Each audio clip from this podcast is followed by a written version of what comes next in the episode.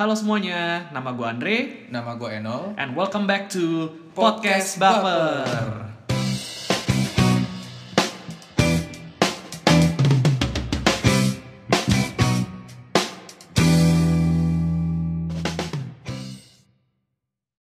Oke, di podcast Baper kali ini gue dan Enol akan membahas satu topik yang lagi in banget kejadian baru minggu lalu, oke, yaitu tentang fanatisme. Betul. Kejadiannya apa itu Nol? Jadi minggu lalu ada, ya mungkin buat yang bukan penggemar bola juga tahu ya. Jadi ada seorang supporter dari Persija Jakarta yang Ya. meninggal, namanya Hari Hari Angga. Angga. Dia meninggal karena dikebukin sama pendukung Persib, Ya. Viking dan Boboto. Nah, menurut gua sama Andre, ini tuh udah hal yang tidak masuk di akal. Setuju. Walaupun bukan kejadian pertama, tapi seharusnya hal ini tuh tidak boleh terjadi lagi. Iya, Karena orang yang nonton bola jelas harus pulang dan tidak ada yang bisa menggantikan sebuah nyawa setuju. Betul, Demi Andre. fanatisme. demi fanatisme buta yang walaupun kita berdua fanatik juga dalam hal sepak bola, Ya. tapi ya itu tidak boleh terjadi lah. Tidak rasional. Betul. Dan tenang aja, kita nggak bakal ngomongin bola doang, Dre ya, karena Setuju. itu punya lapak sebelah. Iya, punya lapak punya sebelah ntar diomelin. Iya, yang udah keren banget. Kita dengerin aja, yang udah sampai ada networknya sendiri, yang Iya. udah ada channelnya sendiri. Nah, jadi kita hari ini bakal ngomongin apa aja deh selain fanatisme di sisi sepak bola. Jadi fanatisme itu banyak aspeknya, bener kan? Betul. Nah, kita nggak cuma ngomongin dari dunia olahraga pastinya, kita juga akan ngomongin dari dunia seni, yaitu dari musik. Betul. Oke, bahkan kita juga pingin ngomongin sedikit sih tentang eh, konspirasi yang ada di dunia ini. Betul. Gitu ya. Fanatisme ke hal-hal yang berbau sudah agak mistis sama kepercayaan aneh-aneh ya. Kepercayaan aneh betul. Terus kita juga akan ngomongin dari segi politik Yes. Dan Dan dilanjutkan dari yang mungkin agak sedikit sensitif yaitu Yes. agama. karena politik sama agama kayak sekarang selalu nyinggung-nyinggung ya, Hmm. selalu nyerempet ya. Sa- ya lagi nyerempet dan kayaknya itu lagi deket banget gitu dan Betul, kalau kita ngomongin politik gak depan ya. jauh-jauh dari agama apalagi tahun depan Benar, ya kan pilpres kita lagi. lagi. ada mau pilpres oke so dengerin aja Yes, stay tune. stay tune Dan Eh, ya, kita bakal balik lagi sebentar lagi. Oke.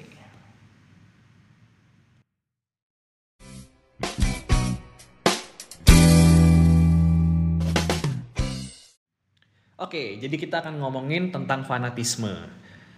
Setelah gua cek di internet, apa sih fanatisme itu? Kalau gua cek di KBBI, Kamus Besar Bahasa Indonesia, mendefinisikan mendefinisikan fanatisme sebagai keyakinan atau kepercayaan yang terlalu kuat terhadap suatu ajaran.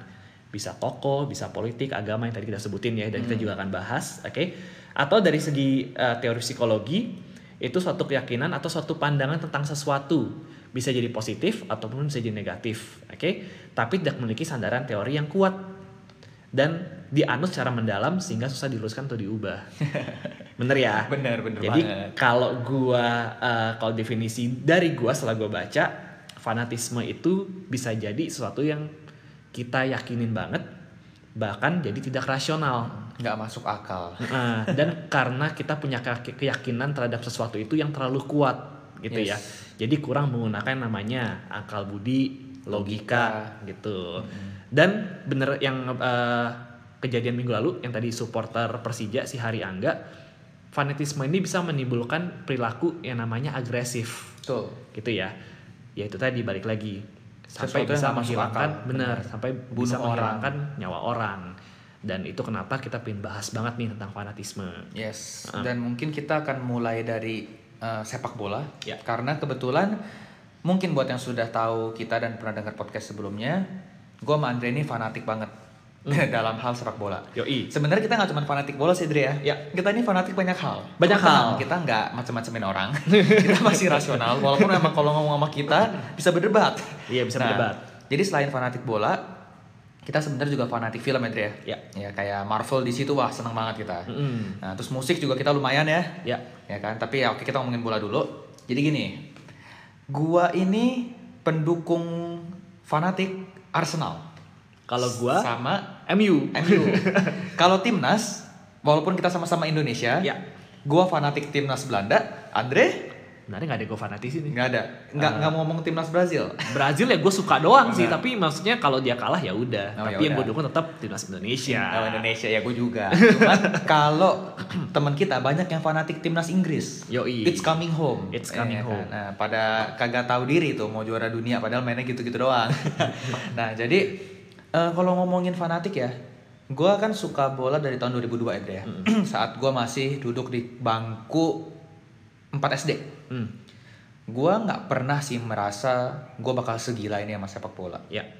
Gue nggak pernah merasa kalau ternyata sepak bola bisa mengubah hidup gue sampai kayak gini. Hmm. Karena gue bayangin kalau nggak ada bola kayak hidup gue hampa banget. Hmm. Banyak banget yang gue dapetin dari bola. Setuju. Selain temen ya pastinya. Gue belajar banyak banget. Hmm. Bahkan gue pernah belajar juga tuh sama orang di lapak sebelah tuh. Ah. ya kan? Nah, eh, fanatisme dalam sepak bola menurut gue memang suatu hal yang luar biasa gitu. Hmm. Suatu hal yang ya of course eh, bunuh orang itu nggak bisa dibenarkan. Bisa. Tentu itu sesuatu yang sangat salah. Tapi kalau sampai kejadian itu terjadi sebenarnya gue nggak kaget. Walaupun gue sangat tidak mau mendengar berita-berita seperti itu. Ya. nggak, Dre? Setuju. Contoh kayak gue ya, mungkin buat semua pendukung Arsenal ya, kan lu tahu tuh dulu tuh zaman-zaman lagi jago-jagonya, Hmm. tiba-tiba pindah stadion, Hmm. bukan bangkrut tapi kesusahan uang Hmm. karena harus bayar utang, jual semua pemain terbaik dan pada akhirnya menjadi Nirgla. tim mediocre kasarnya. Walaupun kita selalu finish di zona empat besar, masuk Liga Champion, tapi kita selalu dikatain. Ya. Dan hidup gue tidak sama lagi, bener nggak? Setelah dulu, buat yang tahu mungkin Arsenal sempat nggak terkalahkan semusim Invincibles, Arsenal jadi pesakitan. Ya. Selain pemainnya cedera mulu, pelatihnya katro, Hmm. bener nggak? Outdated ya pelatihnya. ya? Outdated pelatihnya 22 tahun. Hmm. Selama berarti gue sekarang umur 25. Ya gue nggak pernah lihat pelatih lain melatih Ya. tim kesayangan gue.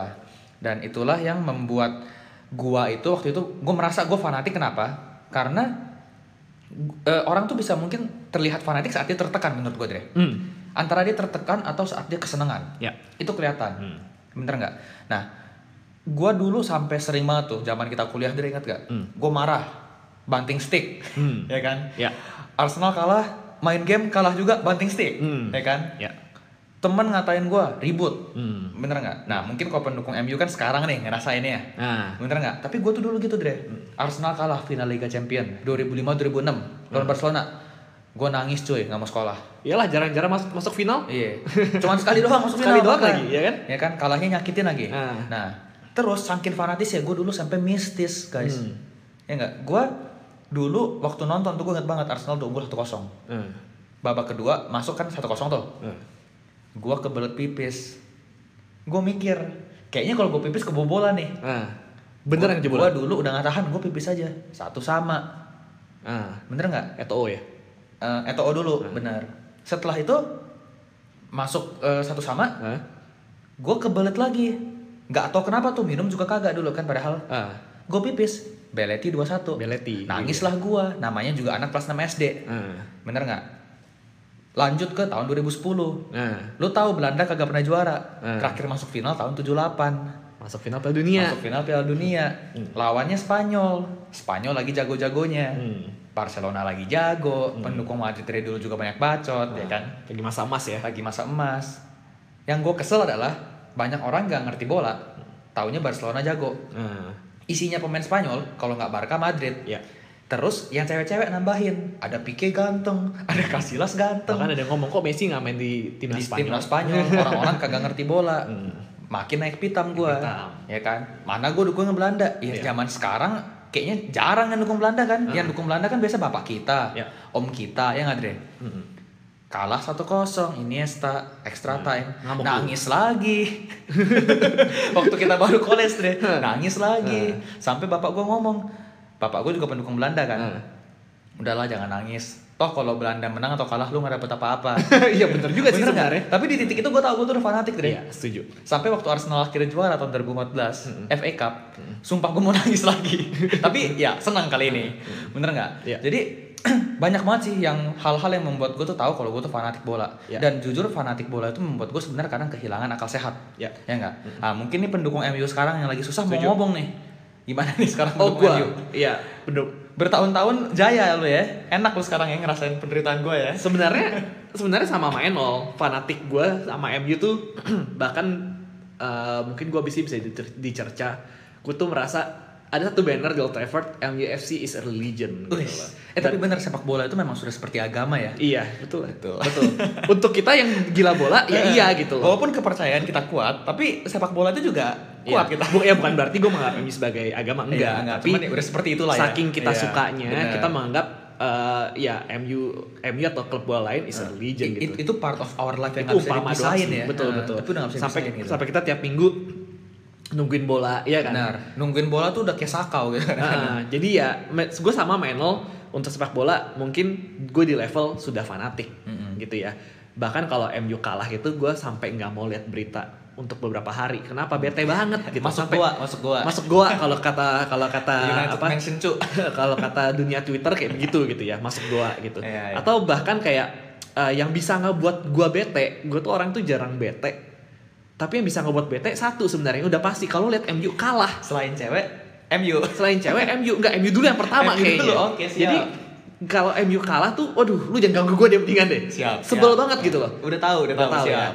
Tapi sekarang karena udah kebanyakan kalah juga udah biasa. Mungkin Nah. Enol yang lebih sering kalah udah biasa. Nah, sekarang biasa 9 tahun guys. 9 sekarang tahun. ya sekarang gue kalau lihat MU kalah udah kayak biasa gitu loh karena sering kalah sih orang. Nah jadi menurut gue eh, wajar-wajar aja sih dengan apa kita berdua Nol ya apa fanatik dengan sepak Bener. bola. Hmm. Dan gitu kita ya. nggak jarang sebenarnya ngadu bacot berantem. Ngadu bacot, bener. Waktu dulu zaman kuliah ya kita kan balik lagi dulu kita kuliah di Malaysia. Heeh. Di Malaysia juga sepak bolanya fanatik banget. fanatik banget. Bener gak sih? Apalagi? Kayak kalau kata ini Dre, kata research nih, Heeh. negara fanatik sepak bola tuh Indonesia nomor 2 Ah, Nomor satu Nigeria, Malaysia tuh kalau nggak salah nomor 5 wow, oke. yang fanatik. Heeh. Ya, nah cuman ya gitu eh, apa namanya orang Indonesia Malaysia sepak bolanya yang nggak maju-maju. Nggak maju-maju. Ya, Nah. kalau Nigeria lumayan seenggaknya masuk Piala Dunia kan. Mm-mm, mm-mm. Gitu. Terus suka juara Piala Dunia level junior. Iya. Ya, gitu. Lanjut lanjut. Terus ini ngomongin ini nih. Oh, contoh-contoh fanatisme di sepak bola. Oh iya, Ya benar kan? tuh. Oke. Yang yang lu inget apa Nol? Yang gue ingat satu dulu tahun 94 walaupun gue belum nonton bola, Hmm. ini cerita lagi legendaris banget. Ada pesepak bola Kolombia Hmm. yang meninggal karena dibunuh setelah dia cetak gol bunuh diri Ya. di tahun 94 Piala Ya. Dunia di Amerika. Dan gara-gara gol bunuh diri si pemain yang namanya Andre Escobar ini, Andres Escobar. Andres Escobar ini, dia eh, timnya kalah. Kolombia Ya. nggak lolos grup. Hmm. Dan pada akhirnya dia diberitakan dibunuh oleh mafia, Ya. orang yang judi. Jadi dia itu memegang Kolombia, tapi karena si Andres Escobar ini Bunuh bunuh, diri. golnya, ya dia ditembak mati. Disuruh ngebunuh Andres Escobar. Disuruh ngebunuh Andres Escobar. Ini menurut gue juga, wah ya, ya kalau nggak legendaris ya aneh sih, karena menurut Ya. gue ini brutal banget gitu. Dan katanya dia tuh ditembak tuh nggak cuma sekali, Dre. Ya. Berkali-kali Berkali-kali. sampai bener-bener mati di tempat. Ya. Sebenarnya nggak cuma Andres Escobar Benar, juga ya. Kalau Andres Escobar sampai mati, Mm-mm. sampai dibunuh gitu ya. Benar. Tapi juga nggak sedikit pemain-pemain yang melakukan kesalahan di lapangan, tapi setelah itu setelah pertandingan di eh, dicaci maki Betul. atau bahkan diancam untuk Betul. keluarga dibunuh dan lain-lain. Contoh kayak David Beckham misalkan. Betul. Yang dia sempat kena kartu merah di World Cup 98 ya. Yes. Oke, dan ngebuat Di Prancis. eh, dan ngebuat Inggris kalah lawan Argentina saat itu. Yes. Padahal Inggris punya chance untuk juara sangat besar Yes. jika memang kalau Beckhamnya tidak kena kartu merah. Betul. Betul Dan ya. yang disikat waktu itu sama Beckham, Diego Simone. Diego Pelatih Simeone. ATM sekarang. Nah, pelatih Atlet- Atletico Madrid, Madrid, sekarang. iya. Mungkin ada contoh lain Nol? Contoh Hillsborough ya. Oh iya, peristiwa Hillsborough Liverpool, Liverpool. Juventus, ya kan? Liverpool Juventus. Karena ya mungkin buat yang penggemar bola tahu eh, The Cops tuh luar biasa ya. Ya. Kayak gue sendiri, gue pernah ngobrol sama Andre. eh gue walaupun gue pendukung Arsenal, gue tuh tidak bisa benci Liverpool. Karena gue benci banget. Nah, iya, Wajar. karena MU. Nah, kalau gue benci sama MU dan MU dan Spurs pastinya ya. Tapi Liverpool ini soalnya sepenanggungan sama kita. Bahkan bisa dibilang sekarang lebih kasihan. Hmm. Cuman, wah sekarang lagi jaya-jayanya sih ya dengan Jurgen Klopp dan lainnya. Tapi gue pernah bilang Andre, yang gue iri dari Liverpool ini adalah satu, gue sangat iri dengan lagunya. Ya. Karena Arsenal tidak punya lagu yang keren. Yang keren, ngambil Liverpool punya You'll Never Walk Alone. Uh, dan pendukungnya. Nah, pendukungnya ini luar biasa, Dre. Pendukungnya ini bahkan ya peristiwa yang tadi gue bilang Hillsborough, sangkin fanatiknya, sangkin gilanya mendukung Liverpool, Hmm. Mereka pernah masuk ke stadion dan membuat stadion ini kelebihan kapasitas. Ya. Dan pada akhirnya stadion ini roboh, membunuh berapa? 96 orang ya waktu itu ya. Kayak belum ratusan ya? Iya pokoknya membunuh banyak orang dan akhirnya yang membuat Liverpool ini di ban dari kejuaraan Eropa untuk beberapa saat. Ya. Nah ini kan udah contoh sesuatu yang sangkin gilanya, sangkin fanatiknya kita tuh udah nggak mikirin keselamatan, nggak Ya. mikirin orang lain, nggak Ya. mikirin yang nunggu di rumah. Setuju. Ya enggak, yang di otak kita hanya apa? Liverpool menang, Arsenal Ya. menang, MU menang. Sisanya gue nggak peduli. Bahkan kalau kita relate ke sepak bola Indonesia, udah, Yes. udah ada berapa nih yang meninggal setelah sepanjang sejarah Jadi- sepak bola Indonesia? Ini sih kita lihat nggak sepanjang sejarah, tapi dari tahun 2001 2001 ya. yang meninggal sudah 41 orang. Ya. Itu pun yang ketahuan, Dre. Itu pun yang terliput dengan oleh media. Ya. Bayangin yang kecek-kecek tuh, yang Liga 2, yang yang pokoknya yang mungkin Tarkam atau apa. Ya. Pasti gua rasa banyak juga yang cedera. Banyak juga. Dan walaupun ini nggak cuma terjadi di Indonesia, tapi karena mungkin kemarin eh, si pendukung Persija ini baru meninggal, jadi memang kayak fokusnya tuh Indonesia ini tuh aduh jelek banget. Iya. Ya kan padahal gue sedihnya adalah kita ini sempet dapat momentum di Asian Games. Iya, Ya enggak Indonesia ini jadi tuan rumah yang baik, udah aman. Ternyata dibikin lagi berantakan sama oknum-oknum yang nggak bertanggung jawab. Iya. Orang-orang fanatik yang otaknya udah nggak tahu di mana. Iya. Itu Nah, buat kita kayak aduh sayang banget sih. bener banget dan balik lagi jadi nggak masuk di akal gitu. Iya, nggak masuk akal. Mm-mm. Orang nonton bola tuh untuk happy. Untuk Bener happy kan? bahkan bisa ajak keluarga untuk nonton. Yes. Bahkan di Inggris itu sepak bola sepak bola adalah tontonan keluarga. Betul, Di mana, keluarga. eh, sama aja kayak kalau kita kayak pergi nonton bioskop Iya, sekarang. kalau di Kayak Jakarta kita ke mall nonton bioskop, Mm-mm. di Inggris itu nonton Sepak bola. bola. Bener. Heeh, dan gue waktu itu pernah ke Jepang, mereka tuh bisa kayak nonton baseball, Dre. Ya. Nonton eh, olahraga lah. Hmm. Itu memang satu keluarga. Bahkan ada yang cuma emak sama anak, Ya. ada yang bawa kakeknya, ada yang bawa neneknya. Bayangin, Hmm. di Indonesia lu bawa kakek lu ya, lu lu kira kakek lu siapa gitu Sebenarnya udah kan. stigma sih no. Kayak kita nggak mungkin ajak keluarga nonton Bener. sepak bola Indo. Itu udah- ada apa-apa. Gitu. Betul itu jadi sesuatu yang menurut gue tidak mengenakan dan itu semua gara-gara fanatisme dari orang-orang yang nggak punya otak ini. Iya. Gue sendiri punya pengalaman nonton derby kan waktu Spurs lawan Arsenal. Ya. Dan gue waktu itu pendukung Arsenal, gue nonton di White Hart Lane cuy. Ya. Itu memang gila sebenarnya Dre. Hmm. Ada Tensinya panas tetap ya. Bukan panas lagi waktu itu zaman waktu Leicester mau juara, Arsenal sama Tottenham tuh harus menang di situ Ya. untuk ngejar Leicester. Ya. Jadi kalau mereka menang salah satunya masih bisa juara. Ya. Dan ada pasukan berkuda. Pokoknya ngeri deh. Hmm. Tapi memang di luar negeri itu memang dia udah punya struktur sendiri, udah punya keamanan sendiri. Ya. Bahkan waktu itu kan gue lagi dingin, Hmm. gue pakai baju Arsenal, gue lapis sama eh, jaket gue. Hmm. Pertandingan berakhir dua sama, untungnya nggak kalah. Hmm. Gue mau keluar stadion. Hmm. Saat gue mau keluar, gue ditarik sama satu kakek-kakek. Hmm. Kakek-kakek ini langsung bilang, lu mendingan lepasin baju lu yang Arsenal di dalam atau lu tutup semua, Hmm. karena di luar bahaya. Hmm. Tapi setelah kakek itu ngomong itu memang benar di luar bahaya, tapi orang-orang tuh semua udah siap. Hmm. Jadi nggak ada hal-hal bodoh yang kayak Ya. di uh, Bandung kemarin. Ya. Gitu loh. Jadi ya gitulah orang Indonesia tuh emang kayak otaknya nggak tahu di mana gitu loh. Benar. Iya kan? Walaupun sebenarnya nggak cuma terjadi di Indo ya, tapi Iya. kayaknya cukup emosi aja mendengar kasus ini terjadi minggu lalu gitu. Heeh. Sangat disayangkan. sangat disayangkan sangat disayangkan banget sebenarnya sebenarnya fanatik boleh boleh boleh Iya. aja wajar wajar aja Toh seru kok jadi fanatik. it's normal ketika kita punya satu hal yang kita sangat sayangkan yang kita sangat kagumkan Yes. tapi kalau sampai merugikan orang lain itu Mm-mm. udah mendingan lu stop deh. itu udah salah banget mendingan sekalian dibubarin aja semuanya. Nah, apalagi kalau ujung-ujungnya pakai kekerasan Iya, bener betul. ya pokoknya yang over yang yang terlalu berlebihan tuh nggak bagus sih Yes. betul ya Mm-mm. gitu Iya, jadi mungkin kita udah dulu ya ngomongin bolanya. ya Kita bakal masuk ke fanatik di musik ya Dre ya. Nah, oke musik Ya, ini fanatik juga- di tokoh idola kita sebenarnya. juga akan kasih beberapa contoh Yes. tentang fanatisme di musik ya Yes, oke. Jadi kita bakal balik sebentar lagi. Stay tune.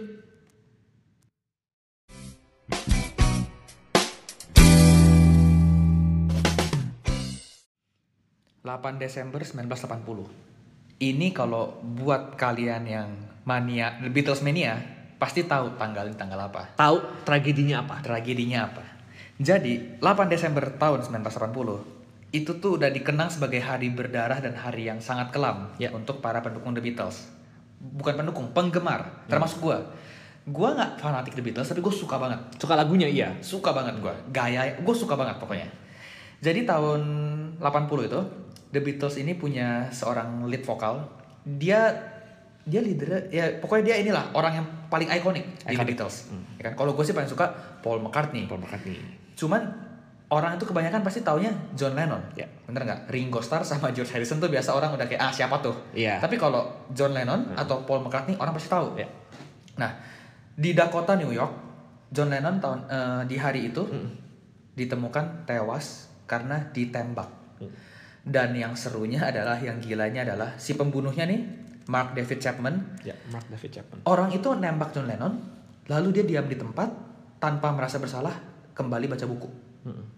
Jadi bayangin, orang ini udah gila, Dre. Hmm. Ini adalah contoh fanatisme berlebihan yang membuat orang sampai balik lagi ngabisin nyawa orang. Orang. Bahkan kali ini lebih ekstrim karena yang dihabisi adalah nyawa idolanya sendiri. Mm-mm. Nah, kenapa bisa begitu? Karena buat para listeners nih ya, kalau mungkin yang udah tahu, kalau saya ada salah mohon dimaafkan.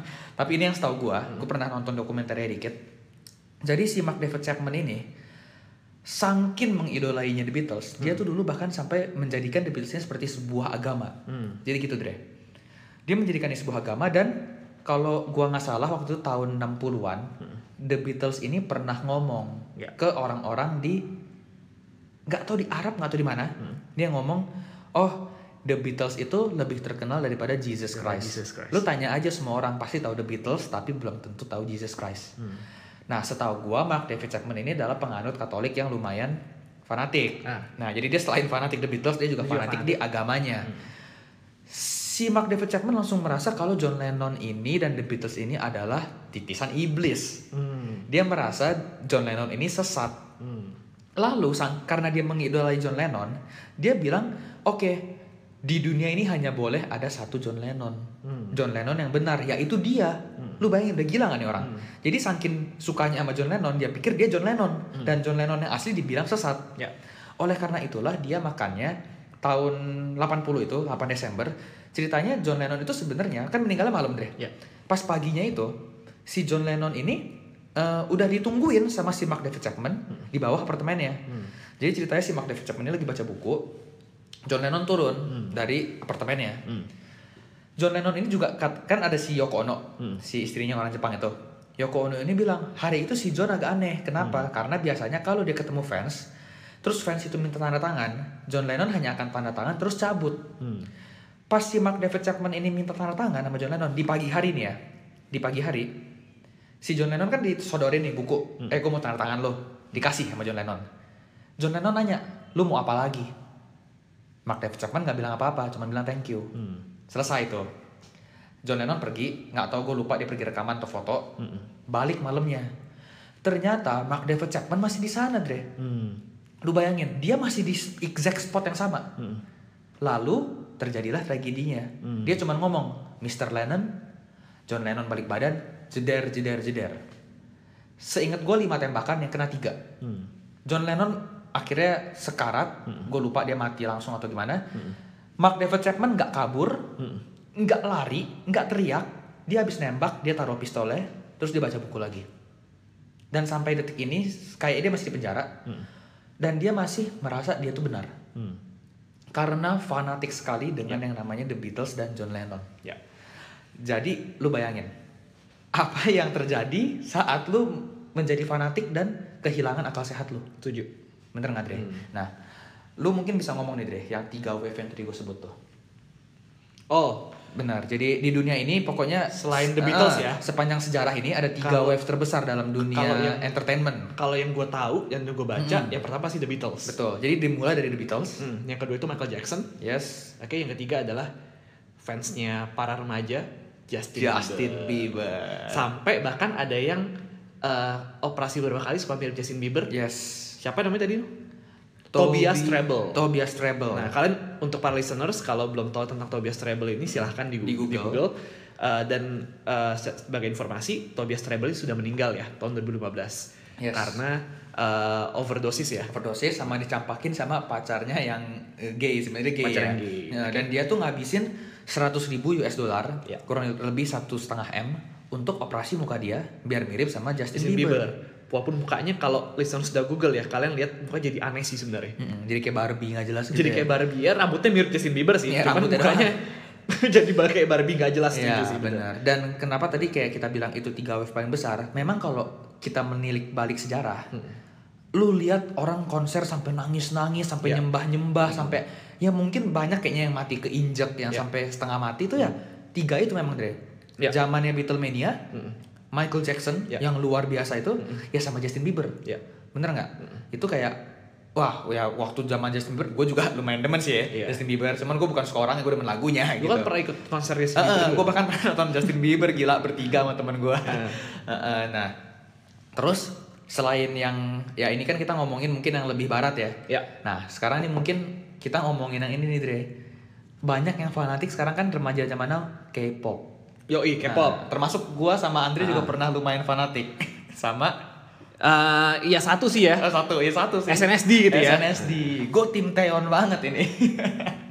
Gue Tiffany sih. Nah, Andre Tiffany, nah, teman kita bahkan ya. Jadi gini, geng.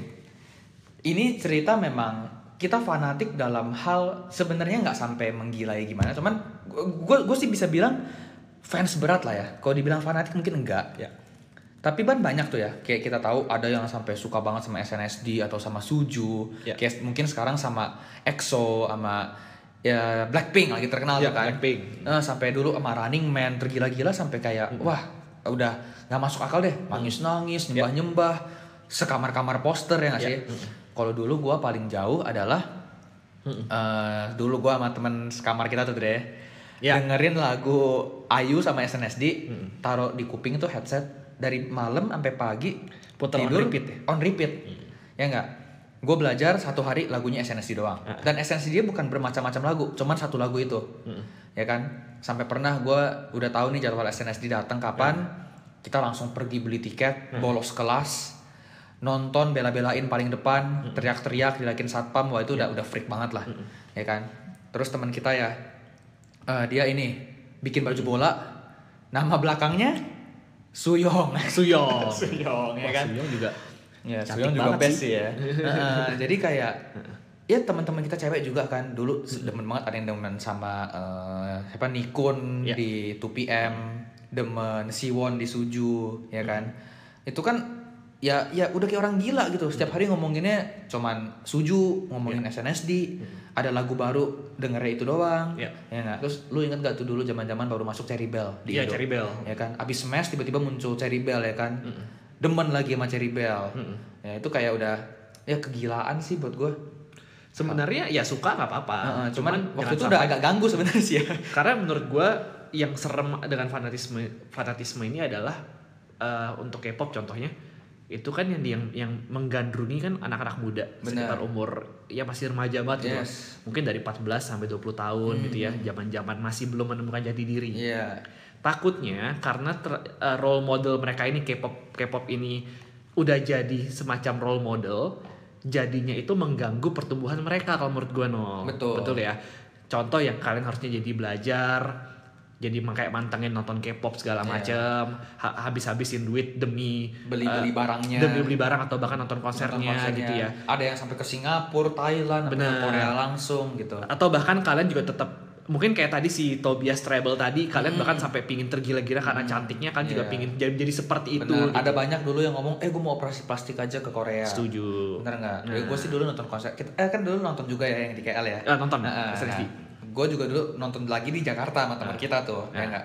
Nah, gue sih sekarang udah nggak segitunya, Ya. udah biasa banget. Karena gue sebenarnya tuh jujur lebih terpengaruh bukan dari orangnya tapi lagunya, Dre. Ya. Kalau gue tuh maksudnya gini, mau orangnya secantik apa pun tapi lagunya nggak enak, gue tuh kayak nggak bakal suka. ya Nah, kita mungkin sama ya. Ya. Nah, kalau gue jadi lebih ke yang penting lagunya. Nah, kebetulan SNSD selain lagunya bagus, orang-orangnya aduhai. Ya. Ya nggak sih sampai di kamar gue sampai sekarang masih ada nih Taiwan satu, udah mau gue copotin tapi. iya.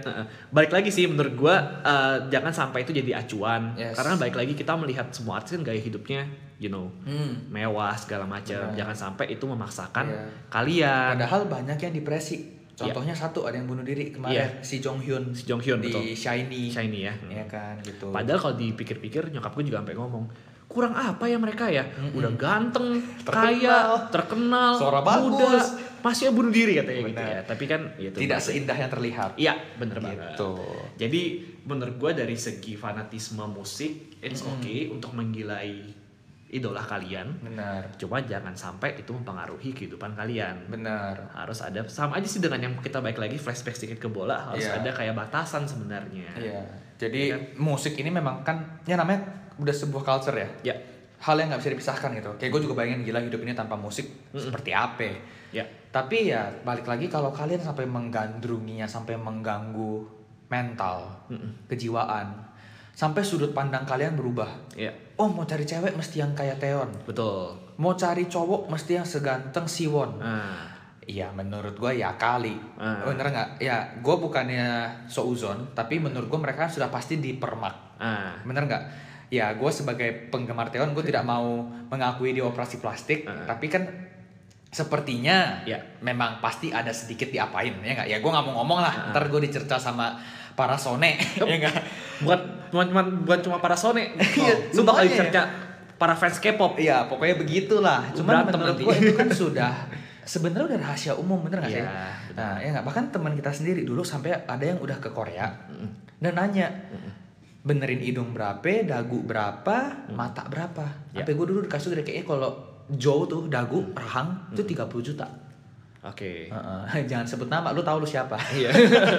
Balik lagi ngomongin temen ya. Iya. Heeh, jadi ini udah dalam tahap mengerikan kalau yang kayak Iya. gitu. Ya nggak sih. Nah untungnya sih teman kita juga sekarang sudah biasa aja. Karena kayaknya masa ababil kita udah lumayan lewat ya. Iya. Gue terakhir kayak gitu kayak 2013. udah lumayan lama. Tapi memang di masa gue suka banget tuh dari tahun 2009 sampai 2013. Wah itu memang banyak ke influence sih Dre. Iya benar. Lu ngeliat yang cowok keren ya, pakai boot tinggi-tinggi, pengen beli juga. pengen beli. Iya. pakai celana skinny skinny pengen bi- pengen beli. Dulu bahkan gue pernah sampai rambut gue dibonding. Gara-gara mau kayak orang Korea. Inget gak Iya. ya kan? Gue inget banget. gue kan? Mau dibonding mau dicat. Eh, gila sampai kayak gitu. Sampai beli celana warna-warni juga. Beli celana warna-warni ya kan? Nah, lu juga tuh beli warna-warni ya kan? Pokoknya menurut gua untuk musik ya eh, tentang fanatisme musik jangan apa jangan sampai kalian itu terlalu menggilai atau Iya. terlalu mendewakan. Kayak banyak kalian- sesatnya. Iya. Sebenarnya yang kalian gilai dan kalian dewakan itu juga sama-sama manusia. betul Mereka juga punya kekurangan Iya. gitu loh. Gue bahkan sampai kayak inget satu, gue pernah nonton stand up comedy eh, itu season lalu ada satu namanya Mamat kalau nggak salah dia, dia Mamat. Mamat, lu boleh nonton nonton itu lucu banget anak ini. Dia bilang kayak dia cerita tentang fenomena K-pop di Papua karena Mamatnya orang orang fak-fak. iya Dulu dia, dulu dia bilang namanya juga lucu Mamat Mamat nanya ke cewek-cewek di fak-fak. Kalau dulu gampang dia bilang. Idaman pria uh, adik siapa? Dulu uh, perbandingannya gampang. Saya mah tidak muluk-muluk kakak. Yang penting mirip buah salosa. buat Gampang, cakep. karena semuanya mirip buah salosa di sana. iya kan? ya buat yang nggak tahu bos Salosa pemain bola asal Papua ya Terus dia bilang lagi, kalau sekarang susah dia bilang. Kalau kita tanya, adek kriteria cowoknya seperti apa? Saya tidak muluk-muluk kakak. Yang penting kayak eh, kayak artis Korea itu katanya. Dia bilang, ya saya bingung ya kan. Kalau kalau yang bentuknya artis Korea tidak ada di fak-fak adek. ya dari warna kulit aja udah beda ya bener itu dia. aduh Itu dia. Itu Iya. kalian boleh nonton sama komedian nanti itu lucu banget. Ya benar-benar. Ya pokoknya memang banyak bikin mata orang pada picek deh ya. Iya. Mata rusak, otak juga rusak, ekspektasi Nah. rusak. Nah itulah ya. Ah, ah. Drama Korea juga bikin banyak orang Ya. setengah mati ya. Setengah mati, bener-bener. Ekspektasi cewek-cewek gila-gilaan. Nah. Ngeliat tuh siapa Lee Min Ho dulu Lee kan. Min Ho, ya. Aduh, ampun deh kita deh makannya. Nah, ya pokoknya itu saran dari gua. Mm-mm. It's it's okay kalau kalian punya uh, fans, kalian mengidolai se- seorang, tapi masih ingat yang kalian idolai itu juga manusia. Tuh. Dia nggak sempurna. Yes. Oke. Jadi ini kan yang tokoh idol dan musik udah selesai. Jadi kita bakal habis ini masuk ke segmen berikutnya. Kita bakal masuk ke teori fanatik konspirasi. Yoi. Oke.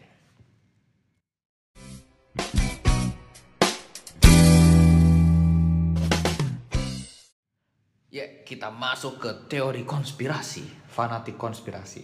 Konspirasi sebenarnya banyak sih ya. Banyak sebenarnya. Kalau kalian googling tuh lihat teori konspirasi uh, banyak banget. Benar. Bahkan ada yang The Beatles, ya kan? Oh iya, Yang yang- tentang si Paul McCartney udah meninggal Bener, sebenarnya. ya. Wah, itu ya itu seru sih. Wah itu seru banget. Uh, nah itu ya fanatiknya juga ini tuh sampai orang pada kayak berdebatnya sampai setengah mati. Uh-uh. Ya nggak sampai ya kan seremnya adalah karena buat yang nggak tahu kalau John Lennon sudah meninggal, George Harrison sudah meninggal, Ringo Paul Starr Ringo Starr masih hidup, masih hidup. masih sehat, Paul McCartney ini masih hidup. Ya. Jadi ang- anggaplah teori konspirasi itu benar. Berarti Paul McCartney yang sekarang hidup dari dulu menipu kita. Menipu kita. Dari tahun 66. Nah, jadi itu begini, kan listeners. Mengerikan.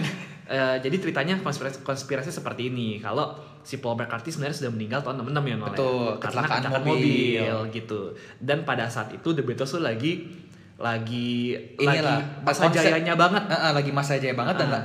Katanya sih abis ada audisi kayak lomba look like. Iya lomba lookalike. Eh, eh, nah, ya, kebetulan yang menang si yang mirip, yang mirip, Paul, McCartney. Paul McCartney. dan juga tangannya kidal juga ya tangannya main kidal gitar. juga. Nah, Heeh. dan waktu itu Paul McCartney meninggal kecelakaan mobil dan The Beatles kan sama aja kayak ikonnya British waktu itu Betul. gitu jadi ikonnya Liverpool dan Inggris. Iya, jadi daripada fans tahu kalau satu personilnya meninggal dan takutnya Mm-mm, image berpengaruh. mereka ber- berpengaruh dan drop, mereka mengganti Paul McCartney dengan yang si lookalike ini Eh, si supaya pamor pamornya The Beatles tetap di atas. dan katanya dulu tuh eh, kesuksesan The Beatles Dre ya menyumbang sekian persen pajaknya Inggris. Iya. Jadi lu Iya. bayangin gilanya The Beatles. Iya. Jadi dulu The Beatles lagi ngetren-ngetrennya Nah, vakum setahun, Ah. hiatus, nggak jelas kenapa. Setelah eh, comeback, ah, Paul McCartney banyak keanehan, ah. ya nggak? Eh tingginya jadi lebih tinggi dari John Lennon, Hmm. padahal tadinya sama. Iya. Terus kalau kalian tahu eh, cover album yang sangat terkenal Abbey Road, Iya, Abbey Road. Mm. ya, gue bersyukur sih gue udah pernah ke sana. di Abbey Road ini kalau kalian perhatiin ya, buat yang tahu, eh, perhatiin kalau di sana tuh Paul McCartney nggak pakai sepatu, Hmm. terus dia megang rokok pakai tangan kanan. Ya. Jadi kalau di Inggris orang yang meninggal itu pakai setelan jas yang rapi dari atas sampai bawah, Ya. tapi tidak menggunakan alas kaki. Mas Haki. Hmm. Betul. Terus di cover album Let It Be Hmm. Eh, itu ada empat kotak. Hmm. Harusnya kalau mau dibikin dua warna, ya misalnya warna merah dan hitam kan ya. Kenapa nggak dua kotak warna merah, dua kotak warna hitam? Ya. Ini enggak. Tiga kotak warna hitam, Paul McCartney, kotaknya warna merah, Ya. ya kan? Terus ada di I Am the Walrus. Ya, and the Walrus. Di situ walrusnya itu mati. Ya. Yang jadi walrus Paul Paul McCartney. The Beatles pergi kondangan. Ya. Kondangan biasa dong cowok pakai eh, bunga di jasnya. Just. Semuanya pakai bunga warna merah. Paul McCartney pakai bunga warna hitam. Hmm. Alasannya bunga merahnya habis. Hmm. Nggak make sense. Ya. Terus ada foto dia main gitar pakai tangan kanan Hmm. tiba-tiba. Terus pernah juga ada foto dia eh, di foto nih Hmm. di samping dia tiba-tiba ada sepatu isinya darah. Hmm. Dia nggak pakai sepatu. Ya. Jadi banyak sekali hal-hal aneh Ya. dan ini tuh membuat para penggemar fanatik teori konspirasi ini berdebat luar biasa. Ya. Ya nggak? Nah, terus kalau ngomongin konspirasi lain, Hmm. ada teori konspirasi bumi datar. Yoi, itu Ya, lagi lagi hit sekarang ya. Nah, bumi datar ini juga ampun-ampun gua. Ampun-ampun. Menurut lu gimana tuh, Dre? Bumi datar, Dre? aneh sih itu. Agak nggak masuk respon akal gua aneh udah. Walaupun kita nggak pernah ke outer space, Ya. tapi aneh aja gitu ya. Aneh aja sih, walaupun memang sudah ada beberapa bukti kalau memang bumi itu bulat, Ah, ah. gitu ya. Katanya foto NASA tuh hoax. Hoax Ya gitu, nggak? itu konspirasi lagi. konspirasi ya. jadi ada yang bilang kayak kalau bumi itu bulat kenapa kalau kita ngelihat jauh tuh nggak ada cekungan Iya, ya enggak gitu. terus dibilangnya tuh kayak kutub utara sama kutub selatan tuh sebenarnya sebuah tembok Iya. biar airnya nggak nggak ke mana-mana Gitu ya. ada juga benar. gua kagak ngerti deh Iya. tapi kalau lu ngomong sama orang yang setuju sama flat earth ini nih wah bisa pulang-pulang bonyok lu kayaknya kalau lu bilang bumi itu bulat Tapi yang menarik adalah jumlah pengikut kepercayaan bumi datar ini semakin juga meningkat. ya. iya sih sampai ada buku di Gramedia gue lihat Sampai ada bukunya ya? ada bukunya bukti kalau bumi itu datar Waduh, gila, bukunya gila, lumayan gila. tebel loh Gila, aduh. Iya, maksud gua- gua, maksud gua, oh, ya, gua ngerti kalian eh, mungkin kan juga pasti ada beberapa bukti dan beberapa apa ya defend gitu ya untuk ngasih tahu bumi itu datar. Cuman kalian, aduh, maksud gua, Eh, nggak tahu deh gua. otaknya di mana ya gitu ya Ya, gue juga belum pernah ke atas gitu loh. Iya, Cuman ya, benar. gue kan normal-normal aja ya. Apa yang gue pelajarin zaman yang lucu adalah kalau sebenarnya bumi itu beneran datar, Dre. Waduh, plot twist banget. Iya kan? Plot twist banget. Terus ada yang percaya sama alien. Nah, ini seru nih. Ini seru. Area 51. Area 51. Hmm. Jadi kalau kalian tahu nih, eh, Tom Cruise, dia itu kan ateis. Hmm. Tapi ternyata waktu itu dia bilang dia tidak ateis, tapi dia membuat sekte sendiri. Ya. Lu tahu nggak? Apa tuh? Scientology. Waduh, Dia kok menarik? dia di Amerika sampai ada gerejanya, Dre. Wow. Dia oke. percaya katanya kalau orang umat Kristiani percaya saat akhir zaman itu yang datang ke sini Tuhan Yesus, Hmm? kalau dia percayanya dunia diinvasi alien Wah. dan pengikutnya udah banyak banget. Scientology ini. Hmm. Jadi dia percaya kedatangan kedua itu adalah kedatangan alien. Lu Oh. bayangin, lu kalau ngobrol sama orang kayak begini, itu udah bukan fanatik lagi tuh. Udah ngeri. Heeh. Iya gak sih? Lu ngomong apa juga kayak kagak nyambung tuh sama mereka. Iya gak? Buat mereka tuh ya alien begini, alien begitu. Wah, gua juga untungnya sih temen kita sejauh ini kagak ada ya yang Scientology. Iya. Mungkin eh, kalian kalau yang dengar ada yang Scientology boleh message kita di Twitter Boleh kita undang. buat menjelaskan ya kan. Tapi buat gua sih ini hal yang lucu gitu. Iya. Di Indonesia lima agama aja ribet. Iya. Ini mau ada Scientology. Yang berbau alien. Lu bayangin alien bentuknya kayak apa juga gue taunya bentuk-bentuk yang di film tuh. Heeh. Ini kan palanya lonjong gede, Iya. ya kan? Matanya besar. Matanya besar atau ya kayak alien yang di versus Predator yang palanya panjang ke belakang ada buntutnya ya kan? Kalau gue sih merasa ini salah satu eh, salah satu subjek yang menarik buat gue sih tentang alien. Iya, gue juga Karena- senang sih konspirasi begini. Karena gue zaman sekolah tuh gue suka banget yang namanya geografi. Ah. Jadi gue suka tentang belajar tentang planet-planet kayak gitulah. Iya. Dan memang kadang kalau gue pikir kalau kita pikir pakai logika adalah nggak masuk akal kenapa dari seluruh jutaan galaksi. betul ya? Betul, Dari betul. jutaan galaksi, which is kita di Bima Sakti. Cuman yang yang, yang punya kehidupan cuman di bumi. Benar. Itu sebenarnya jadi pertanyaan sih ya. Itu kan itu kan dari segi saintifiknya ya kan. Iya. Bukan dari segi eh, tentang pelajaran agama dan, Betul. sebagai, dan sebagainya. itu logika kita aja lah berpikir seperti itu. Ya kadang-kadang memang harus di manage sih Iya. sebenarnya. Masa sebesar ini cuman kita, bener nggak Iya, sih? karena gue berpikir seperti itu. Makanya em, bahkan gue nggak tahu Area 51 itu is really exist ya? atau enggak Terus kayak sebenarnya. apa Bermuda Triangle juga Iya, ya. Bermuda Triangle juga Iya. gitu loh. Iya menarik sih sebenarnya. Kalau para listeners nggak ada kerjaan, boleh googling terus boleh email kita penemuan kalian, dan kita Iya. akan bacain.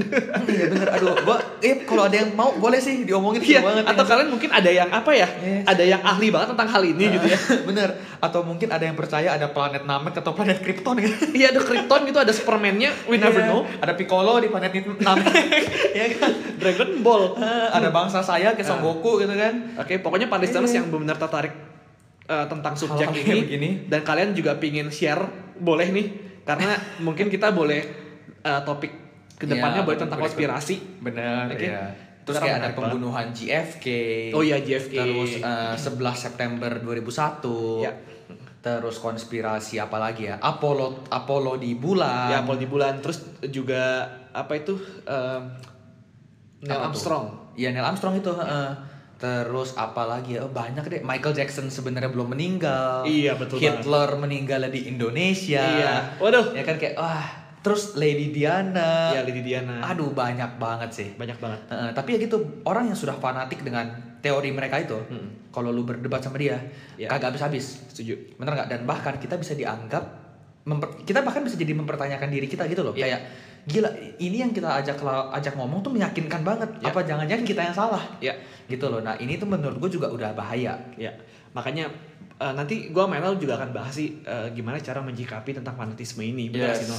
Cuman benar. mungkin gue sedikit spoiler atau sedikit kasih himbauan aja adalah pentingnya kalau kita memang sebagai umat beragama kita punya satu pegangan hidup. Betul. Gitu ya. Itu Orang penting kan, banget loh. Iya, karena orang kan sebenarnya mau berpendapat itu kita nggak berhak ya untuk kayak, eh lu nggak boleh kayak begini. Ya Hmm. namanya kita kan hak asasi manusia Iya. ya. Ham itu kan lu bebas berpendapat. Ya. Bener nggak? Hmm. Apalagi di zaman sekarang internet begitu gampang diakses, Hmm. hal-hal yang tadinya tidak terjangkau jadi sangat mudah dijangkau itu kan bikin kita makin gampang bersuara. Iya. Bener nggak sih? Ya. Gitu. Jadi ya, ya teori konspirasi ini seru banget. Heeh. Eh, cuman ya kalau kita bahas satu-satu bisa kagak kelar-kelar. Iya.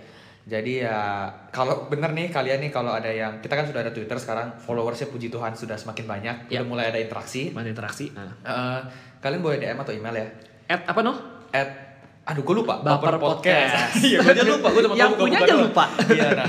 Eh, bahkan kita kemarin senang sih ya dapat email satu panjang banget. Iya. Nah, na- nanti Kita akan bahas itu. Bahas itu nanti ya. Nanti di akhir kita juga say thank you lah ya. Iya. Heeh, jadi eh, buat teori konspirasi yang fanatiknya itu di situ dulu. Ya. Nah, ini kita masuk ke yang bagian seru nih, geng. Yang fanatik terakhir ya. Mm-mm. Oke. Fanatik politik yang Dan- bakal berimbas ke Agama. agama.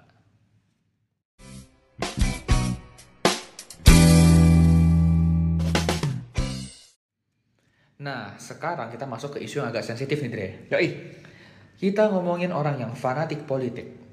Ini mungkin kita bakal lebih menjurus ke Indonesia ya, karena Ya. kita tinggal di Indonesia dan kita melihat polanya ini sudah mulai menurut gua kelewat batas Ya. sampai menjatuhkan, merusak nama baik. Ya. Udah kacau deh. Berapa tahun terakhir sih ya sebenarnya? Berapa tahun terakhir dan kita nggak usah ngomongin terlalu jauh. Ya. Menurut gua pattern ini sudah sangat terlihat dan berbahaya semenjak pemilu presiden Ya. tahun 2014 Setuju. saat Jokowi Lawan Prabowo. lawan Prabowo. Nah nanti kan bakal ada second roundnya nih Ya. tahun depan. Moga-moga sih aman ya. Ya. Tapi dari tahun 2014 itu kebetulan ini tuh bikin gua sama Andre yang waktu itu ya kita ya masih 20 awal ya. Ya. Itu jadi sesuatu yang membuat kita mengerikan. Ya. Kok bisa bangsa kita ini terpecah dua kubunya tuh sampai segitunya, Dre? Iya. Bener nggak? Ya. Mentang-mentang Jokowi itu dulu eh, gubernur partnernya itu minoritas. Ya. Bapak BTP, Pak Ahok. Pak Ahok. Nah. Dianggapnya apa? Komunis. Ya. Dianggapnya eh, ya apa namanya eh, seperti orang-orang yang lebih percaya bahwa kalau eh, kita ini liberal gitu. Ya. Kita ini bebas. Hmm. Ya enggak? Di satu sisi orang yang mendukung Pak Prabowo adalah orang-orang yang dibilangnya apa? Anti minoritas. Minoritas. Dibilangnya Kekerasan. kekerasan. Dibilangnya hanya mendukung seiman. Ya. Ya enggak? Yang yang dukung Pak Jokowi dibilangnya haram, dibilangnya murtad, dibilangnya enggak enggak. Ya kita di sini netral aja. Ya. Kita udah tahu akhirnya yang terpilih Pak Jokowi. Ya. Dan waktu itu Dre kebetulan kan gue dulu kerja di daerah pusat kota. Hmm. Eh, gua ikut pawainya Pak Jokowi sama Pak JK waktu itu Dre. Jadi kalau kalian ada yang tahu, Jokowi ini diarak dari patung Selamat Datang sampai Istana Negara Hmm. tanpa perlindungan apa pun, hanya dengan naik delman. Ya. Jadi kayak naik kuda gitu. Hmm. Dia duduk, dia dada-dada. Itu orang bener-bener kayak lautan manusia sepanjang jalan. Hmm. Dan di situ gue berpikir, Dre, ini orang-orang yang fanatik ini sebenarnya apa sih di pikiran mereka sampai kok begini banyak manusia rela turun ke jalan? Ya. Sampai kayak Jokowi ini seakan-akan tanpa dosa, seakan-akan begitu hebat, seakan-akan, uh, ini orang kayak Superman aja, Nah. ya nggak sih? Penyelamat gitu ya. Bener. Nah, gue mikir loh, ini si Jokowi ini kan dia orang nomor satu di negeri ini. Ya. Bayangin kalau dia cuman tanpa perlindungan kayak gitu, Hmm. tiba-tiba di atas ada yang nembak dia terus dia mati. Ya. Atau dia salamin orang, ada orang yang di ujung jarinya Kasih racun. kasih racun. Ya enggak, gue sih sempet ngegap di atas gedung Sarina ada sniper. Hmm. Tapi ya tetap aja buat kita ya kalau di film-film gitu ya, itu kan sesuatu yang ngeri. Ya. Apalagi dengan konflik yang pas pilpres tuh gila banget tuh. Lagi panas. Yang fanatik pro Jokowi gila-gilaan, yang pro Prabowo gila-gilaan juga. Hmm. Bahkan mereka itu sampai saling merusak nama baik satu sama lain. Ya. Setuju nggak lo? Ya, setuju banget. Iya kan? Kalau gue sih merasa politik di beberapa tahun terakhir bener kata Enol semenjak tahun 2000 Pilpres 2014 itu jadi kayak kita punya kotak-kotak dan kotak-kotak yang lain Yes. gitu ya. Tuh. Kalau dulu sudah mungkin sudah ada kayak eh, golongan-golongan tertentu, cuman setelah Pilpres 2014 itu jadi semakin kelihatan. Dan sayang banget sih sebenarnya kalau fanatisme politik ini menja- apa ya bener-bener mengubah contoh yang keluarga yang jadi harmonis jadi nggak harmonis Yes. atau jadi temen yang tadi deket cuman karena perbedaan perbedaan pilihan, Pilihan, politik iya. jadi renggang Betul. bener gak sih atau bahkan eh, ada yang, yang namanya faktor adalah stigmatisasi Mm-mm. stigmatisasi bener atau melabel-labelkan sesuatu Ya, gitu loh. benar. atau kayak contoh eh, kita balik ke Jokowi dan Prabowo Mm. pendukung Jokowi melebih-lebihkan keburukan Prabowo Betul. atau pendukung Prabowo juga melebih- melebih-lebihkan keburukan atau Iya. kejahatan Jadi saling menjatuhkan Jokowi, satu gitu. sama lain. Tuh. Setuju. Nah, makanya itu bisa mengarah ke demonisasi. demonisasi. Betul. Apa sih demonisasi? Nah, balik lagi demonisasi itu adalah salah satu taktik pecah belah. Yes, taktik tadi- pecah belah ngeri banget jadi. Ngeri banget. Jadi yang tadi gue udah bilang sih, yang berarti melebih-lebihkan keburukan atau kejahatan pihak tertentu. Yes. Sehingga sesuatu jadi tampak buruk luar biasa, benar-benar jahat dan gak ada kebaikan satu- eh, sedikit pun. Sedikit pun. Nah, dengan taktik ini ibaratnya gitu ya. Jadi orang-orang yang belum punya kedewasaan khusus Yes. atau yang masih sebenarnya personality-nya masih diombang-ambing, Mm. jadi merasa uh, mengikut ke ajar-ajar yang salah ini. Bener, jadi Bener kayak nggak? mu- mu- udah fanatik sesat gampang gitu. dipengaruhi. Bener, udah udah saking gampang namanya aja udah demonisasi ya. Iya, Gue sih demon. gue sih nggak tahu ini dari mana, cuman mungkin ya bener dari demon itu sesuatu yang jahat. Ya, Bener gak sih? Bisa gini loh bayangin eh, satu keluarga gitu deh. bapaknya pilih Pak Prabowo, Ya. Istrinya Prabowo, tiba-tiba anaknya yang lebih muda misalnya milihnya Jokowi. Iya. Dicuci otak sampai dibilang mau diusir dari rumah, kalau pilih Jokowi nggak dianggap Ya. keluarga. Pokoknya aneh-aneh deh. Mm. Itu kan seperti sebuah stigma yang membuat wah berarti gue dilabeli sebagai anak haram nih, Ya. anak yang nggak berbakti nih, anak yang gila nih, nge- nggak nggak berbakti sama orang tua. Itu kan sesuatu yang ngeri banget. Akhirnya ujung-ujungnya kecuci otak, Ya. jadi gila dukung Prabowo. Padahal gini loh, pasti Pak Jokowi punya kebaikan dan kejelekan. Ya. Begitupun dengan Pak Prabowo. Ya, setuju. Kalau lu mau dukung ya yang objektif. Ya. Bener gak sih? Gue tuh dulu sampai bertanya-tanya Dre. Kayak kenapa sih kalian bisa pilih yang satu sisi ini? Penjelasan tuh udah gak masuk akal. Ya. Bener banget. Ada yang ngomong, oh Jokowi tuh oh, hebat dia. Begini, begini, begini. Hmm.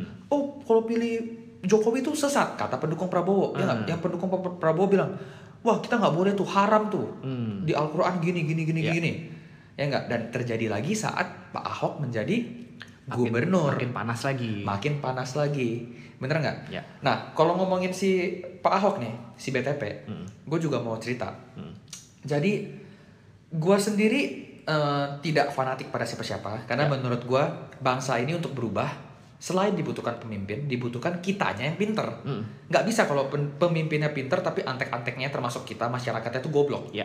Bener nggak Setuju. sorry gue mungkin agak kasar ngomongnya Hmm. tapi kenapa gue bilang goblok karena menurut gue memang bang- bangsa kita itu ma- masih mayoritas tidak tidak pintar Ya. bener nggak Makanya gampang dipengaruhi. makanya gampang dipengaruhi demonisasi di mana-mana Ya. bener nggak nah gini gue juga gue juga bukan tidak mendukung Pak Ahok tapi yang gue tidak suka adalah orang-orang yang berlebihan menganggap Setuju. Pak Ahok ini sebagai dewa Setuju. udah kayak ini eh, Death Note Eh, Death Note. iya nah jadi eh, ini contoh aja nih ya Drea gue tahu Pak Ahok itu orangnya baik Ya. Ya, ya maksudnya ya, ya pasti baik lah ya, bukan yang kayak gimana. Gue juga nggak bilang siapa jahat, siapa baik. Pokoknya dia orang benar aja. Atas kerjanya juga bagus. Atas kerja bagus, cuman memang mungkin pembawaan yang dia bawakan di depan umum itu mungkin tidak kena di semua orang. Ya, cara penyampaian. Penyampaian. Buat gue sendiri, Pak Ahok ini eh, orangnya sangat to the point. Hmm. Sampai di titik di mana buat beberapa orang dia itu arogan. Ya. Kenapa? Karena dia itu tidak menurut gue ya. Ini eh, sorry ya buat para listeners kalau mungkin gue terkesan agak gimana. Tapi buat gue dia itu agak arogan. Kenapa? Karena dia tidak memikirkan keluarganya. Setuju. Buat gue dia pernah ngomong di satu acara deh yang mengundang perdebatan Hmm. buat para fanatiknya Ahok dan para yang per- eh, yang kontra Ahok. Kontra Ahok. Dia bilang, buat saya mati itu sebuah keuntungan. Hmm. Oke, kalau gue jadi orang yang tidak suka dengan Ahok, gue tidak, ya ini mungkin gue jadi kayak psikopat ya. Tapi kalau gue, gue tidak akan apa-apain Ahok. Hmm. Gue akan menyakiti keluarganya seperti dulu istrinya si Bu Vero atau anaknya. Hmm. Buat apa gue menyakiti Ahok? Hmm. Bener nggak? Nah mungkin ini yang tidak dipikirkan oleh dia. Hmm. Dan buat para fanatik Ahok yang pro Ahok, mereka tuh kayak, oh iya Pak Ahok tuh baik, Pak Ahok tuh nggak pernah kenapa, nggak pernah kenapa. Kalau buat gue ya, kalau saat dia bagus kita ngomong bagus. Ya. Saat dia kurang kita harus ngomong dia kurang. Ya.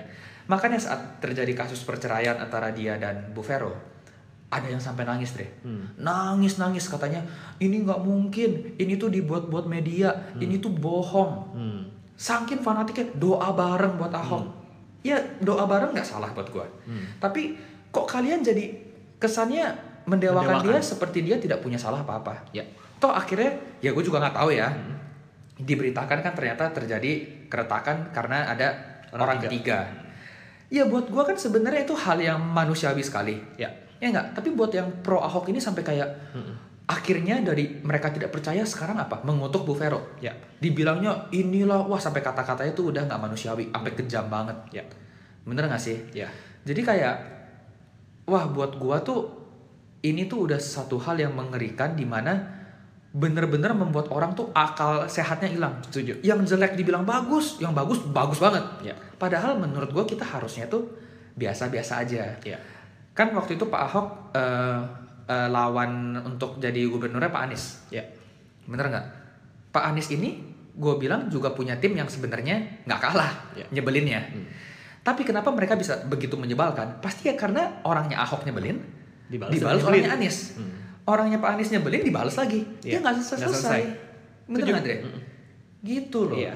Balik lagi sih, menurut gua fanatisme ini ya pilihan politik berbeda-beda. Tapi kalian juga mesti inget kalau perbedaan seperti yang tadi udah ceritain itu kan mengancam keselamatan juga, Bener. mengancam yang namanya persatuan. Betul. Gitu ya. Kan kita juga punya slogan yang Bhinneka Tunggal Ika. Iya, tapi gitu ya. nggak jarang gitu. Dan gue sih nggak mer- nggak merasakan namanya Bhinneka Tunggal Ika di beberapa tahun terakhir. Mm-mm. Gitu. Kemarin Asian Games dua minggu doang. Ya nggak? Eh tiba-tiba supporter mati. Iya. Ya nggak?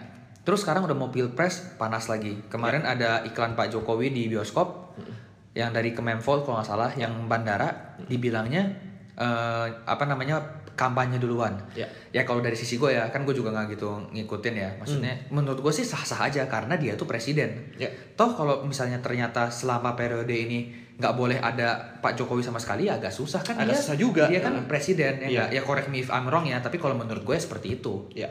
Gitu loh. Intinya ya itulah pasti setiap orang kalau memang udah enggak setuju atau enggak suka akan mencari kesalahannya. Iya. Dan kesannya cari kesalahannya terlalu niat. Betul. Dan ya kalau udah suka jangan berlebihan Jangan juga. berlebihan juga. Harus harus orang bilang tuh harus rasional, harus objektif. Iya. Bener nggak sih? Walaupun kami juga mengerti kalau memang sudah suka banget itu jadi subjektif. Iya. Ya contohnya aja, MU udah kalah juga kita mah Iya, lu, lu demen-demen aja. Kayak gue Arsenal juga bapuk mah ya gue demen-demen aja. Tapi kan ya itu bola. Ya. Ya nggak. Kalau ini kan gila ini mengancam keselamatan bangsa kita gitu. Iya, loh. setuju banget. Ya nggak, itu ngeri banget. Iya. Nah, dan politik ini nyentilnya ke agama. Agama. Nah, agama ini juga sensitif banget tapi ya Iya. fanatik agama itu udah udah nggak tabu sebenarnya Iya. diomongin bener gak sih Dre? Paling gue juga pingin kalau ngomong tentang agama, gue juga pingin nyinggung tentang yang beberapa terjadi beberapa tahun terakhir tentang te- terorisme Hmm. gitu ya.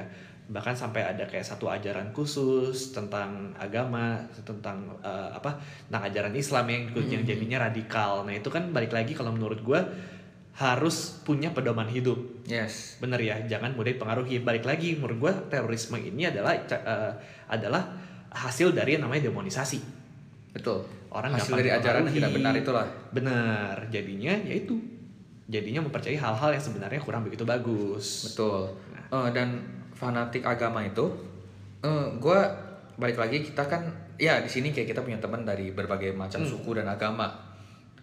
Gua sendiri sebenarnya juga kurang setuju dengan orang yang sangat fanatik agama. Kenapa? Bukannya kita nggak rohani atau nggak gimana, tapi sesuatu yang eh, berlebihan itu pastinya akan sulit diterima oleh pihak lain. Ya. Menurut gua akan lebih enak kalau saat kita punya satu kepercayaan Hmm. dan kita sangat percaya sampai kita kasarnya dibutakan. Ya. Akan lebih baik gua rasa kita akan bers- kita bersikap biasa aja. Hmm. Di mana kalau orang bilang sekarang deketin cewek tuh masuknya halus. Ya. Bener nggak? Kalau lu dari awal udah menggebu-gebu, misalnya lu ngomong, oh di Alkitab begini, di Al-Quran begini, di Ya. Tripitaka begini. Ya orang siapa yang seneng dari awal udah diguruin. Ya. Bener nggak? Kenapa nggak sih kita ya udah damai-damai aja? Toh lu nggak ganggu hidup gua, gua nggak ganggu hidup lu. Setuju. Kita ya udah enak. Hmm. Toh kalau misalnya kita kepercayaannya beda misalnya. Tiba-tiba misalnya gue mau ngikut kepercayaan Andre. Hmm.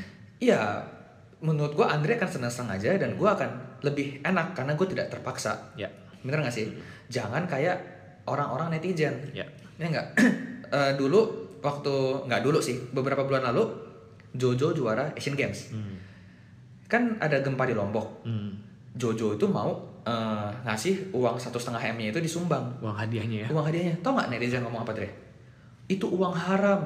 Soalnya Jojo katanya mau bikin gereja di Lombok. Hmm. Gila nggak menurut lo? Itu kan nggak masuk akal. Nggak masuk akal. Itu udah anjir itu kalau bukan fanatik apa itu? Iya. Gue nggak tahu dia sarkas atau gimana tapi itu udah annoying banget sih buat gue. Ya. Kalau menurut gua lima agama yang diakui di Indonesia itu eh, ya eh, Kristen, Katolik, Buddha, Hindu dan eh, Islam. Islam. itu semua mengajarkan hal yang baik. Pasti agama pasti mengajarkan yang baik. Pasti mengajarkan hal baik. Yang sesat itu manusianya. cuma cuma lima itu ya. Gua itu bukan agama di luar lima itu ya menurut gua ya. Bukan Scientology ya. bukan Scientology salah satunya. Jadi menurut gue lima agama ini mengajarkan mengajarkan hal yang baik. Pasti. Baik dari kata Enol, eh, sebenarnya mungkin gue ralat dikit. Ketika kalian punya pedoman hidup yang gue bilang tadi agama itu bagus banget. Hmm. Jadi kalian punya barrier. Ketika suatu sudah tidak masuk di akal yang di mana sebuah larangan dari agama yang kalian percayai itu nggak boleh dilakukan. Betul. Contoh balik lagi ke tahun fanatisme dari tadi, bunuh orang, nggak boleh, bener nggak? Siapa yang ngajarin bunuh orang ya? setuju gitu loh atau kayak eh, bunuh diri Yes.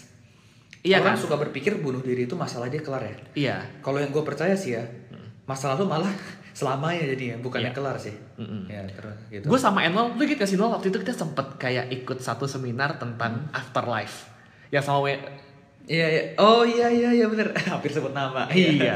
Itu Eh. itu di uh, sedikit ini untuk para listeners informasi Oh, aja. iya, iya, iya, Kata iya. orang itu uh, dia uh, dia cerita tentang afterlife setelah kita hidup, kita meninggal terus ke mana gitu Ya ya. ini balik lagi tapi ini kepercayaan kita ya. Jadi ini di- dia sih cuma base dari Ah. scientific untuk orang yang bunuh diri ketika dia meninggal itu mereka nggak akan uh, contohnya ke afterlife. Bener. Mereka akan tetap di dunia ini di mana dunia ini tidak ada waktu, tidak ada apa ya?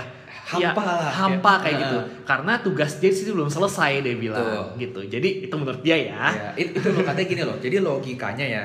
eh, jadi gini listener, misalnya orang itu bunuh diri di umur 30. Sebenarnya waktu dia di dunia itu umurnya 70. Ya. Terus dia lompat dari lantai 50 misalnya. Jadi kan dia meninggal umur 30 nih. Nah. Berarti dia tuh kan sebenarnya tugas dia sampai umur 70. Masih ada 40 tahun katanya, lagi. Katanya saat dia bunuh diri itu selama 40 tahun sampai dia umur 70, dia tuh akan lompat terus tiap hari. Ya selama 40 tahun. Wah. Ya itu udah teori yang gue juga entah dari mana tapi ya itu yang kita dengar. Oke. Nah, Itu intermezzo ya, ini Intermezzo. sebetulnya. Pokoknya iya. intinya baik lagi. Setiap agama mengajarkan hal yang baik, Iya, yang iya. di mana kalian harus sudah punya batasan-batasan. Iya. Suatu yang berlebihan tidak baik gitu ya. Dan eh, saran gue lagi tentang politik dan agama adalah eh, harus punya toleransi. ya harus karena kita tinggal Harus. di negara yang seperti ini. Ya, kita tinggal di mana kita bukan cuma tinggal sendiri. Baik lagi yang gue bilang tadi, Bhinneka Tunggal Ika. Kita itu beragam. Bhinneka Tunggal Ika dibuat untuk kita mencapai kesatuan Betul. gitu ya. Jadi penting banget punya toleransi. Kayak tadi kayak Enol bilang singgung tentang Jojo sedikit mau buat uh, gereja maksudnya baik. Benar. Apalagi kalau Dan- memang dan bahkan sebenarnya Dre itu tuh kayaknya bukan untuk gereja, cuman untuk membantu. Tapi netizen ini bilang kayaknya tuh duitnya tuh mau dibikin Nah, gereja. masih ngomong kayaknya Nah, ya. kan? jadi itu udah kan suzon. Seuzon udah gila gitu. Masa cuman gara-gara Jojo itu Kristiani dia menyumbang dibilangnya bikin gereja. Padahal mah kayaknya si Jojo mah ngasih ya ngasih sembako, Iya. ngasih shelter, ya ngasih Iya, gitu. Gitu. Jadi em, menurut gua sih dan Enol untuk politik agama ini memang sedikit sensitif, jadi penting banget tentang yang namanya kedewasaan. Iya. Oh ya dan ini gue tadi lupa ngomong yang ngeri adalah gini Dre. gue percaya kalau karena tadi gue bilang ya bangsa kita ini masih agak bodoh. Dan yang mengerikan adalah kenapa banyak orang sesat Dre? Kenapa banyak orang fanatik agama? Ini gue lumayan percaya sama teori ini. Hmm. Banyak orang itu tidak mau terlihat bodoh. Bener nggak? Walaupun mereka bodoh, pastinya mereka tidak mau terlihat bodoh. Ya. Ya, dong, siapa yang mau kelihatan bodoh? Ya. Saat mereka tidak punya argumen di sisi edukasi, Hmm. mereka itu larinya ke mana? Agama. Hmm. Karena buat mereka agama itu sudah pasti benar. Hmm. Itulah yang membuat banyak orang sesat Hmm. di agama mereka. Mereka tidak punya argumentasi lagi untuk diungkapkan. Diajak ngomong bola misalnya, Hmm. diajak ngomong politik, udah nggak ngerti balas pakai apa. Hmm. Akhirnya di mana?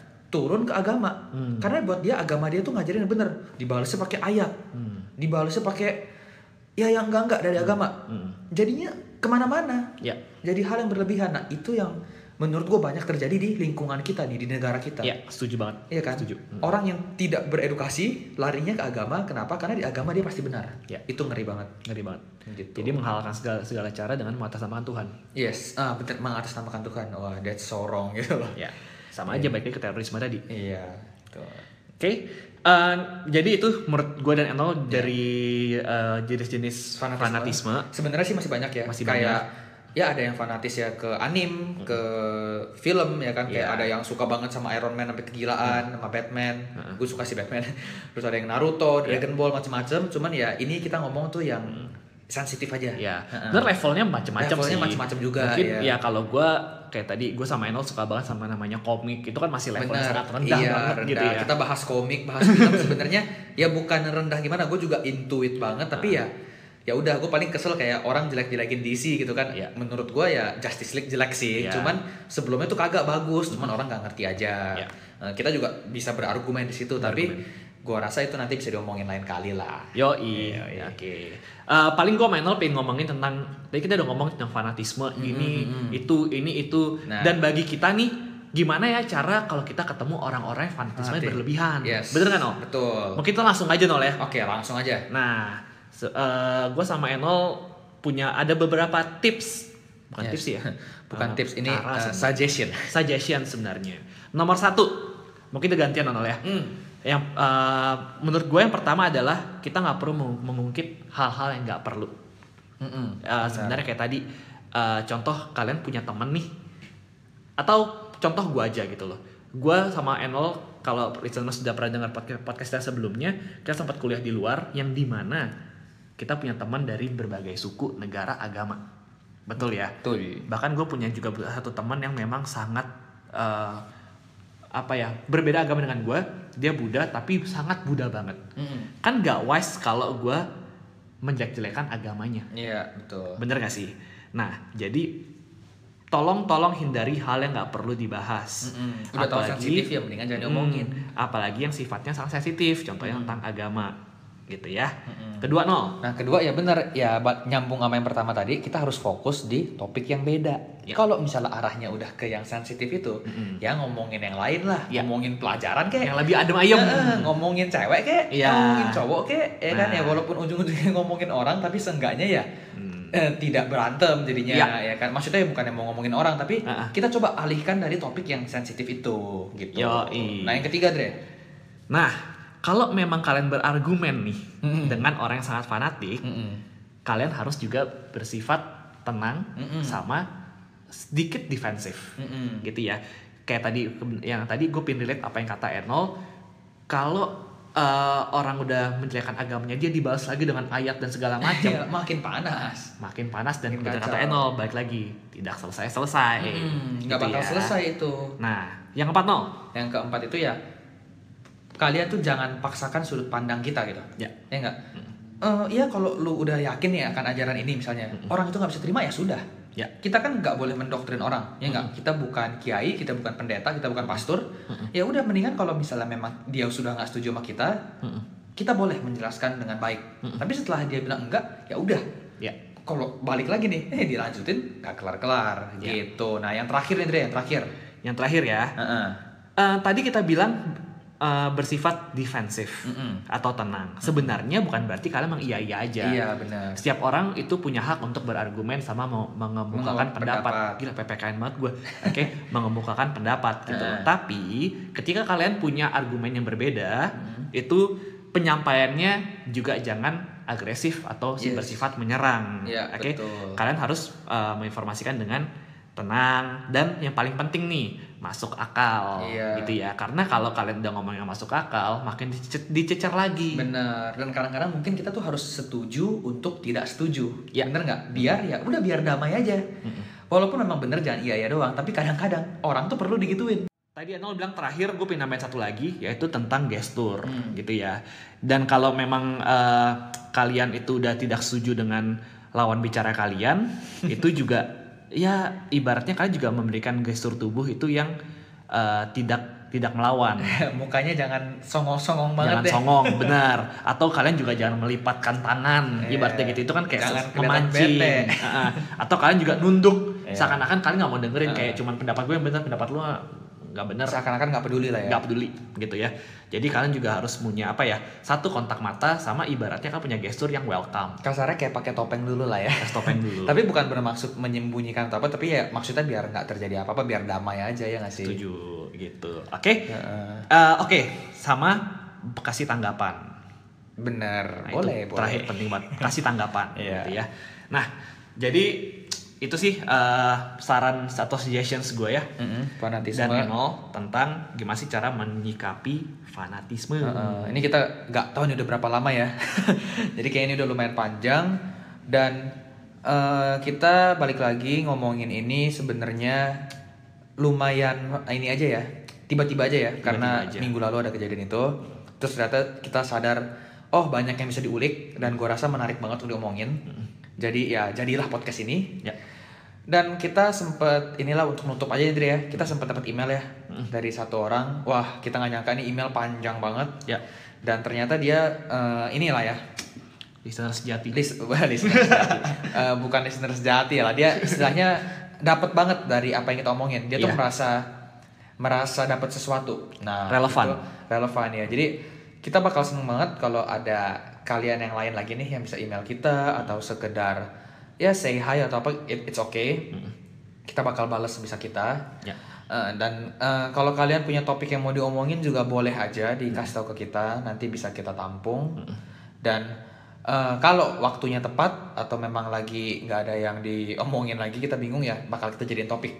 Gitu loh. Jadi kita udah memang kita udah ada beberapa topik yang bisa kita pakai nanti ya. Ya. Nah, tapi lihat aja episode berikutnya apa dan ya udah sih gitu aja sih Dre udah lama udah panjang Ya, nanti kalian uh, bosan dengerin suara kita mulu. Benar. Eh, kalian eh, boleh di Twitter kita @baperpodcast boleh kasih masukan. Ya, masukannya jangan yang pedes-pedes ya. Kalau mau kontra boleh, Nah. mau pro juga boleh, tapi ya ya yang membangun lah, jangan yang menjatuhkan. Iya. Tuh. Oke. Ya, gitu aja sih Andre ya. Siap. Oke, Oke, ya so uh, goodbye. Ya. Sampai ketemu, Ketemu lagi, lagi. di episode berikutnya. Bye bye. Bye bye.